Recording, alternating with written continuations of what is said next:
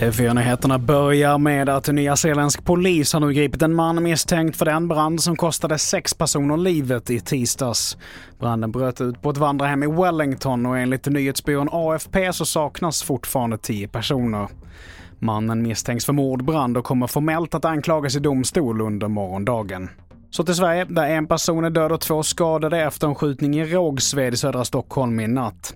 Skjutningen tros ha koppling till den senaste tidens våldsvåg i huvudstaden och polisen har under natten gripit fem personer misstänkta för inblandning. Vi har gripit och numera anhållit fem personer misstänkta för mord samt ett försök till mord.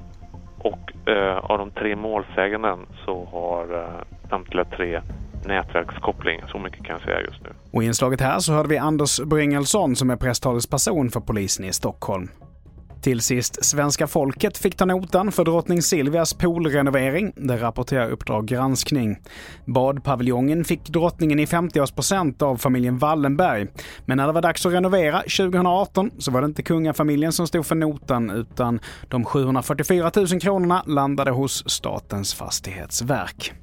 Fler nyheter hittar du på tv4.se. Jag heter Mattias Nordgren.